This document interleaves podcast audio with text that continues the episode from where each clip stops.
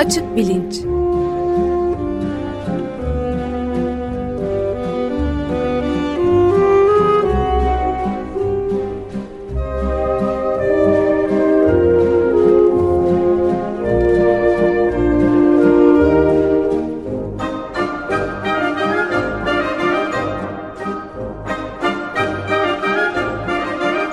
Güven Güzeldere ile bilim ve felsefe sohbetleri. Günaydın Güven Bey, merhabalar. Günaydın Ömer Bey. Günaydın. Günaydın Özdeş. Bugünkü konuğumuz e, Açık Radyo dinleyicilerin çok yakından tanıdığı Hakan Gürvit, profesör. Ee, ve Alzheimer üzerine konuşacağız galiba. Yeni bir FDA tarafından onaylanmış ilaç üzerine. Aducanumab. Telaffuzu da bir hayli zor. Evet, hoş geldin Hakan, merhaba. Merhaba, merhaba efendim. merhaba, hoş geldiniz. Şimdi biz Alzheimer üstüne aslında bir sürü program yaptık. Hepsinde Hakan Gürvit konuk oldu. Ee, hatta Açık Bilinc'in ilk konuklu programında da Hakan Görüt konuktu. Ta 2012 ya da 13'ten itibaren, 2013'ten itibaren galiba Alzheimer hastalığının e, işte mekanizması ne oluyor da oluyor filan bunları uzun boylu aslında e, konuşmuş durumdayız. O programların linkini de ben bu programın duyurusunda vereceğim ki arzu edenler dönüp gitsin, oraya baksın. Alzheimer hastalığı tabii artık hepimizi ilgilendiren bir hastalık haline geldi. Çünkü herkesin ya annesi ya babası ya bir akrabası ya eşi dostu ya eşi dostunun bir tanıdığı bu hastalıktan muzdarip. Dolayısıyla Alzheimer hastalığı konusunda yeni bir ilaç çıktı dendiği zaman hepimizi heyecanlandırıyor. Bugün de biraz bunu konuşmak istiyoruz. Yani bu ilaç nasıl bir ilaç, etkili mi, nasıl çalışıyor, hangi hasta gruplarına, hangi aşamadaki hastalığı, hangi aşamasındaki insanlara fayda sağlar, maliyeti nedir, nasıl bir tedavi süreci gerektirir filan gibi pek çok pratik soruyu e, Hakan Gürült'e soracağız. Ben e, başlamadan önce bir de şunu söyleyeyim. E, geçen ay 21 Eylül'de Dünya Alzheimer günüydü. E, Türk nörologları da bir e, Zoom toplantısı yaptılar. Bu toplantının açılış konuşmasında Amerika Birleşik Devletleri'nden Marcel Mesulam ve Türkiye'den Hakan Gürrit yaptı. Bu e, aducanumab e, isimli ilaç da or, orada da konuşuldu. E, çok da güzel e, bir toplantıydı. Zaten e, Dünya Alzheimer Kongresi'ne işte Hakan Gürvit katılıyor. Döndükçe biz ondan e, son bilgileri almaya çalışıyorduk filan. Böylece bir güncelleme yapmış olacağız. Şimdi ben şuradan başlayayım. Bu ilacın adı e, Hakan'a o kadar acayip gelmemiş. Bunu sordum daha önce ama aducanumab dendiği zaman ben böyle sanki hani Afrika'da bulunan egzotik bir ağaç adı falan gibi bir şey e, anlıyorum. Değil oysa e, üstelik bu ilacın adı değil e, galiba şeyin kimyasalın adı değil mi? Aduhelm diye bir ilaç olarak pazarlanmış. Buradan başlayalım. Nereden geliyor? Bu ismin aslında bir anlamı var. Yani aslında e, şeye bakın, soyadına bakın. Soyadı MAB diye düşünün. MAB, monoklonal antibody. Monoklonal antikorun gavurcası. MAB. Tamam. Monoklonal evet. Antibody. Ee, eh, piyasa adını da hoş yapmışlar doğrusu. Ben de e, yeni duydum. Adı Helm. Helm herhalde miğfer olsa gerek orada e, antikor olmuş miğfer. İyi. E, böyle bir sürü mab, mabla biten ilaçlar var. Aslında bütün bu bağışıklık sistemi hastalıklarında dışarıda sentetik olarak üretilmiş antikorların e, o em, em, e, hastalığa neden olan antijeni bulup yakalayıp bir şekilde hapsetmesi, ortadan kovması, yok etmesini sağlayan şeyler antikorlar. Öyle ya işte e, Covid içinde aşı oluyoruz, antikor geliştiriyoruz, doğal antikor. Bunlar sentetik antikorlar. Ee, işte e, romatolog arkadaşlarımız bizden çok daha tecrübeli bu MAB'la biten, soyadları MAB olan ilaçları e, kullanmayı. Benim e, daha yakın akrabalarım, nörolog kuzenlerim, örneğin multiple sklerozla uğraşanlar çok daha tecrübeliler. Ee, biz davranış nörologları yani bir 20 yıldır bir onaylanmış MAB soyadlı bir ilaç e, çıksa da artık kullansak özlemiyle yanıp tutuşurken işte sonunda Haziran 2021'de bu aducanumab devreye girdi. Aslında biz yani birim olarak hiç şimdiye kadar adekanumabla çalışmadık ama uzun yıllardır neredeyse bir 7-8 yıldır başka bir firmanın Gantena rumabıyla çalışıyoruz. Ee, bugün bir haber aldım ki e, bu da özel bir terminoloji. Biraz e, öğrenmeye gayret ettim. FDA B, BTD onayı vermiş gantenerumab'a bugün. Bu Breakthrough Therapy Designation'ın e, kısaltması. Ne oluyor yani? Breakthrough Therapy Designation. Yani e, alıp giden tedavi tanımı umut vaat eden tedavi tanımı mı olsun? Yani eğer, İlerle, ilerleme evet. de denebilir. Ha, evet, evet yani ilerleme vaat eden yani bir kere evet.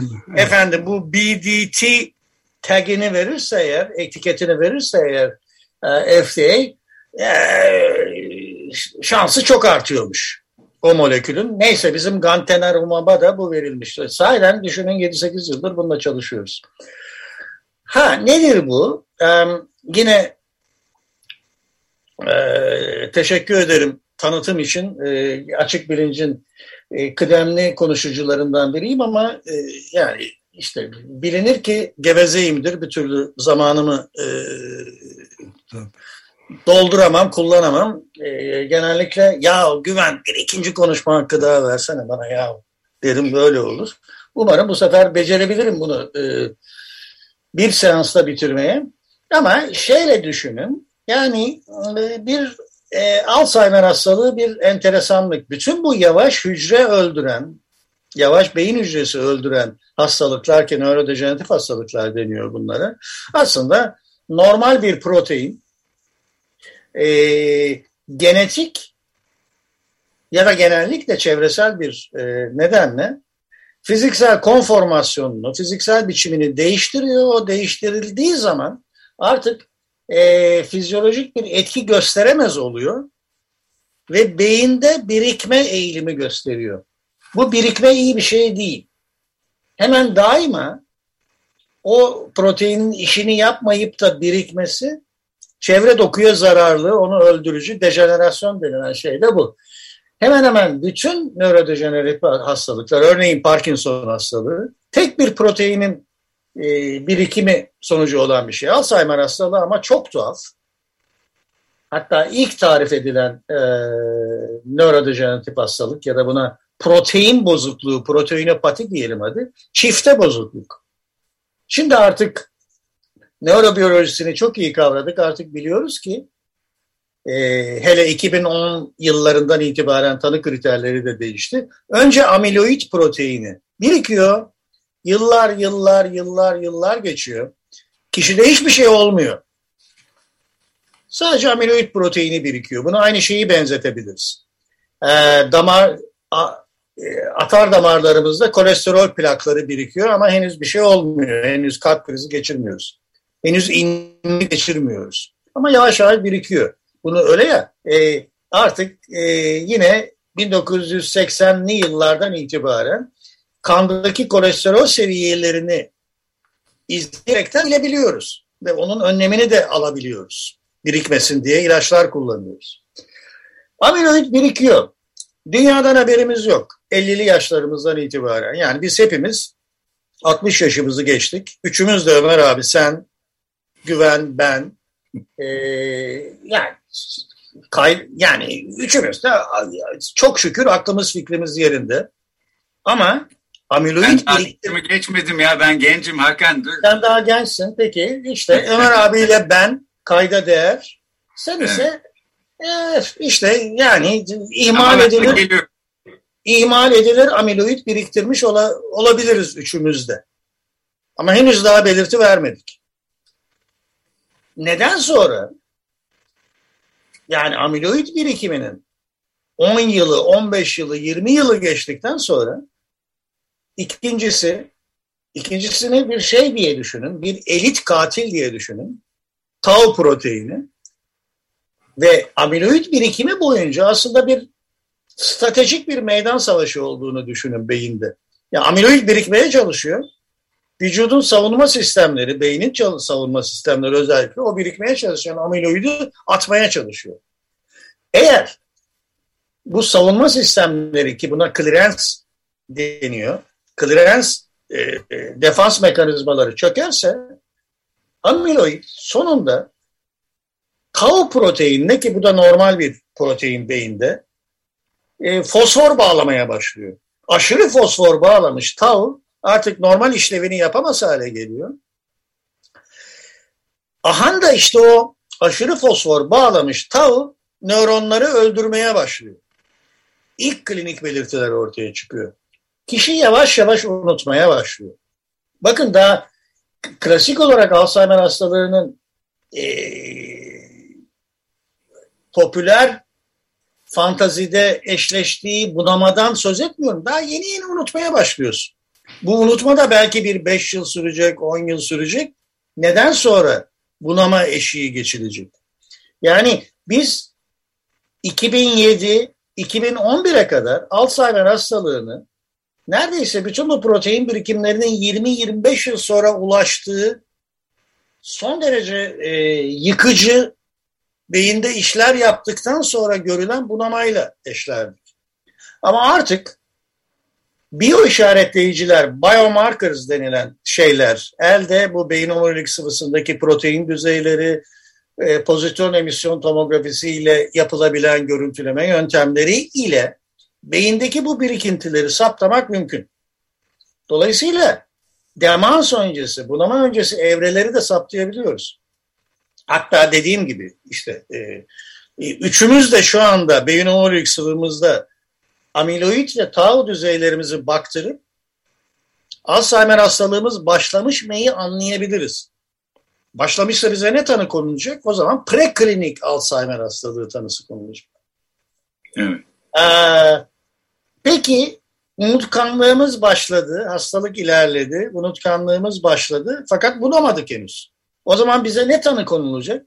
Alzheimer hastalığı inintili hafif kognitif bozukluk tanısı konulacak. E, yıllar geçti hastalık daha da ilerledi. Bunadık.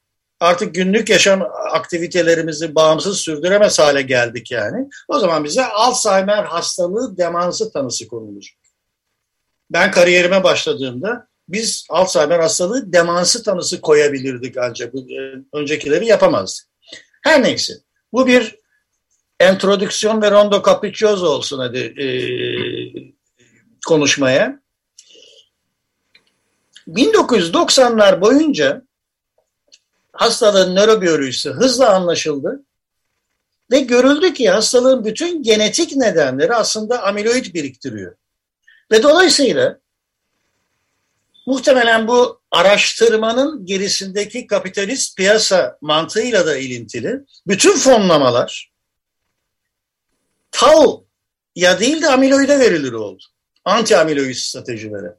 Ve 2000'li yılların başından itibaren anti amiloid stratejiler o kadar büyük bir heyecan şeklinde or ortama girdi ki hepimiz zannettik tamam bir iki yıl içinde biz Alzheimer hastalığını silip süpüreceğiz. Aynı çocuk felci gibi, aynı diğer enfeksiyon hastalıkları gibi bu iş bitecek. E olmadı. Bütün çalışmalar negatif sonlandı.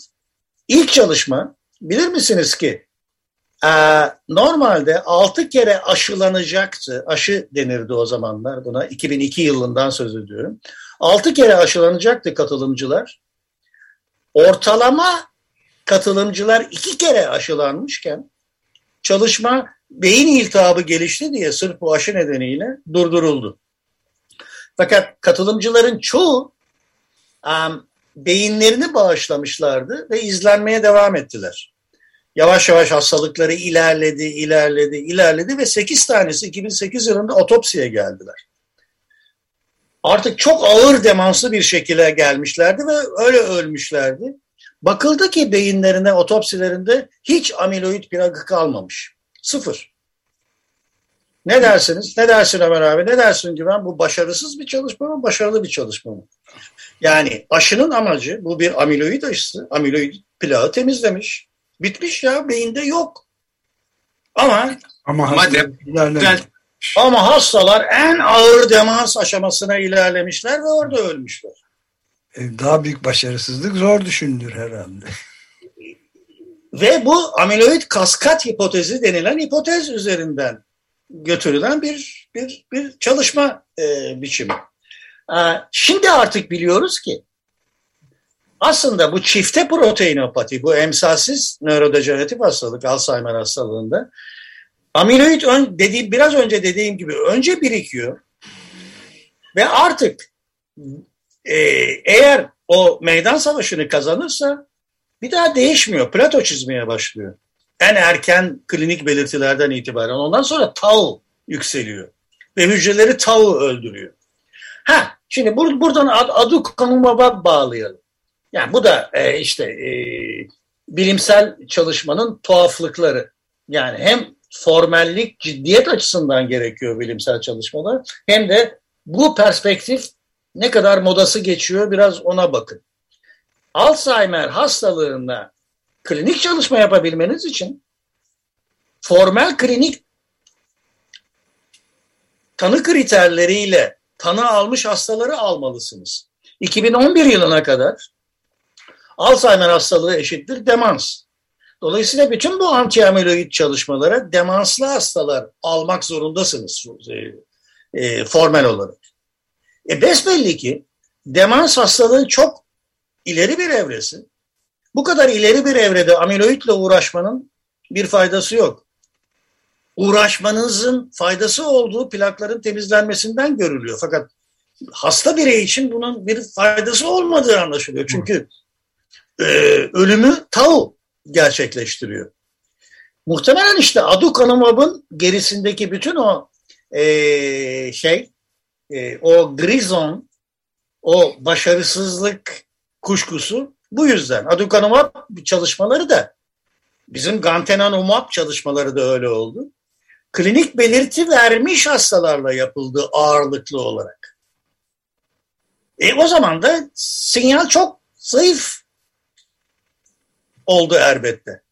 Bunun başka bir bedeli ne oldu? Bir kere bunlar çok pahalı çalışmalar. Milyonlarca dolar e, sokağa atıldı. Bir e, bir umut ışığı çıksa bile buradaki çalışmaya devam kararları genellikle e, bir takım bilimsel konseylerden çok hissedarlar kurulu tarafından verildiği için e, çalışmanın durdurulması kararı prematür olarak verildi. İşte son 20 yılın e, bu soyadı MAB olan e, çalışmaların hikayesi çok özetle budur. Ama şunu evet. düşünün. E, bundan sonra bir kere bu adekanumab e, var olduktan sonra benim öyle hastalarım da demeyeceğim, bireylerim var. Alzheimer hastalığı için mutasyon taşıyorlar. Hastalarımdan birinin kız kardeşi örneğin, birinin oğlu örneğin mutasyon taşıyorlar ama henüz asemptomatikler, henüz hiçbir belirtileri yok. İşte bunlara aducanumab'ı verdiğim takdirde hemen hemen eminim ki alın yazılarında yazan, kaderlerinde yazılmış olan mutlaka günün birinde Alzheimer hastası olacaksın engellenecek. Onun için benim için hala müthiş bir keşif bu. Fakat şey bir perspektif problemi var. Hasta bireylerde antiamiloid bana sorarsanız hayır. Ama hastalığa yatkın amiloidi yükselmiş tekrardan üçümüzde hangimizin amiloidi yükselmişse bunu kullanırsak ama bir de mutasyon taşıyanlarda kesinlikle hayat kurtarıcı bir e, ilaç olacak. Muhtemeldir ki ilk belirtilerden başladıktan sonra bir türlü gerektiği gibi fonlanmadığı için e, gelişme şansı bulmayan anti-tau stratejiler. E, ne bileyim ben bundan bir 8-10 yıl sonra e, ben görecek miyim bilmiyorum ama e, bizim gençler e, bunu kullanabiliyor olacaklar. Bu aynı ben, zamanda... Tam bu noktada bir şey sorabilir miyim? Anti-Tao stratejileri e, uygulamayan bu yeni e, ilaçta onay na, nasıl alınıyor o zaman ama? Yani FDA'den Amerika Birleşik Devletleri Gıda ve İlaç Yönetiminden çünkü ciddi itirazlar da gelmiş e, görebildiğim kadarıyla yani. İşte e, danışma komitesinden mesela profesör Harvard profesörü Aaron Kesselheim diye birisi bu onaylanmamalı demiş. Yani, işte, yani... işte tam da bu abi. Yani e, belki de en erken hafif kognitif bozuklukta daha yeni e, taun fosforillendi ama bol bol amiloid taşıyorsun beyninde. Amiloidini temizlersen az miktarda taun da ilerlemeyebilir. Ama bence daha demans gelişmeden dahi, bunama gelişmeden dahi o hafif kognitif bozukluk evresi yerleşmiş ve artık kayda değer bir beyin coğrafyasında fosforile tau, fosforlanmış tau hücre öldürmeye başlamışsa amiloid temizlemenin bir faydası olmayacak muhtemelen. Yani herhalde bir 5-10 e, yıl içinde bunun kesme noktası neresidir? Ne zaman e, henüz daha klinik belirti vermemiş asemptomatik bireylerde fakat amiloid taşıyan ya da hastalık belirtileri çok hafif olan bireylerde amiloid kullanalım. Öyle ya bunlar çok pahalı ilaçlar bir yandan. Ne zaman bunların işe yaramayacağını bilelim artık tau ile uğraşmaya başlayalım muhtemelen işte e, anlaşılacak.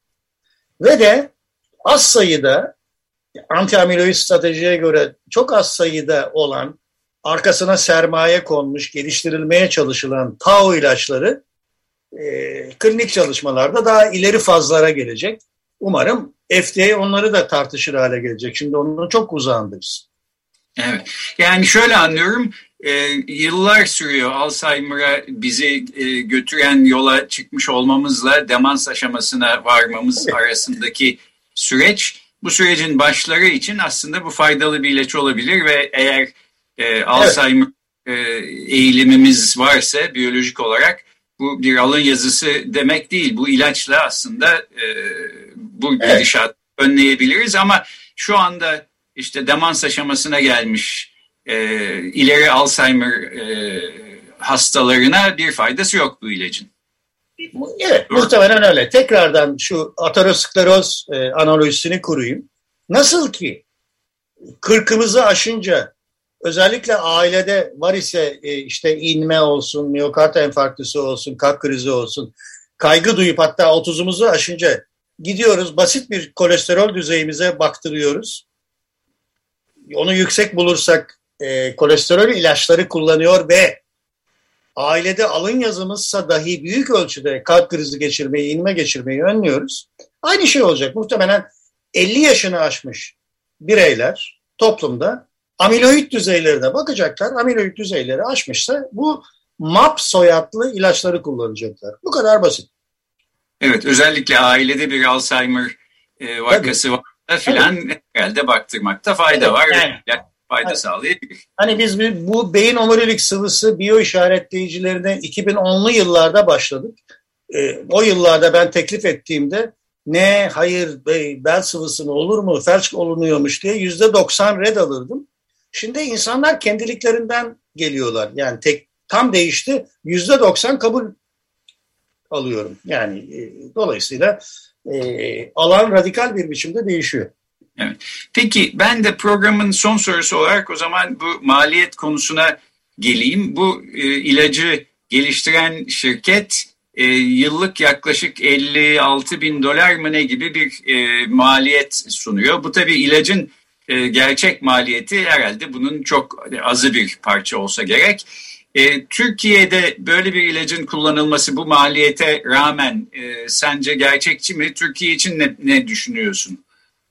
Onu anlamaya çalışıyorum ben de Güven. Yani şu maliyet işlerinde hiçbir zaman e, kafam çalışmamıştır ama e, hani en standart immün modülatör bağışıklık sistemini e, e, modüle eden e, e, ilaç işte biliyorsunuz kortizondur. Kortizon uzun ucuz bir ilaçtır. Ama kortizon dışındaki kalanlar hep yüksek teknoloji gerektiren, gerisinde hep e, böyle e, oldukça sofistike bir teknoloji gerektiren bir e, gelişimden çıkıyorlar ve çok pahalı oluyor.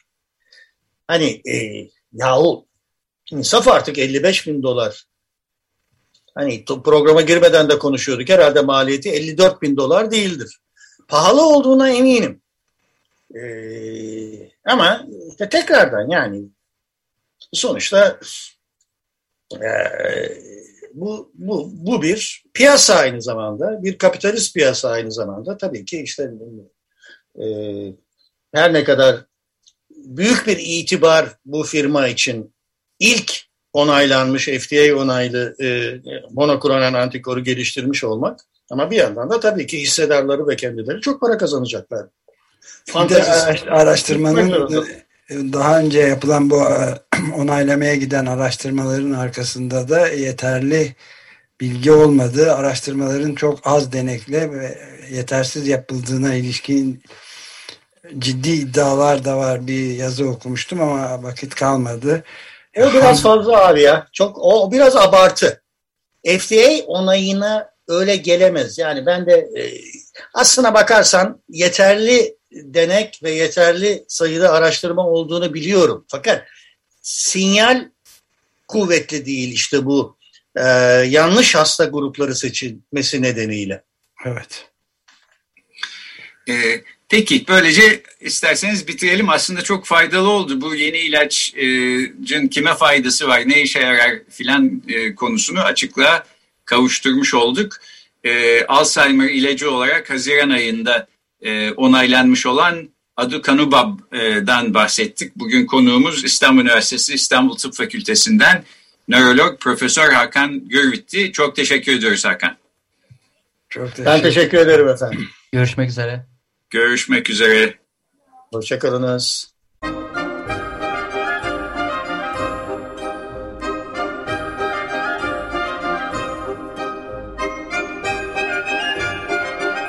Açık Bilinç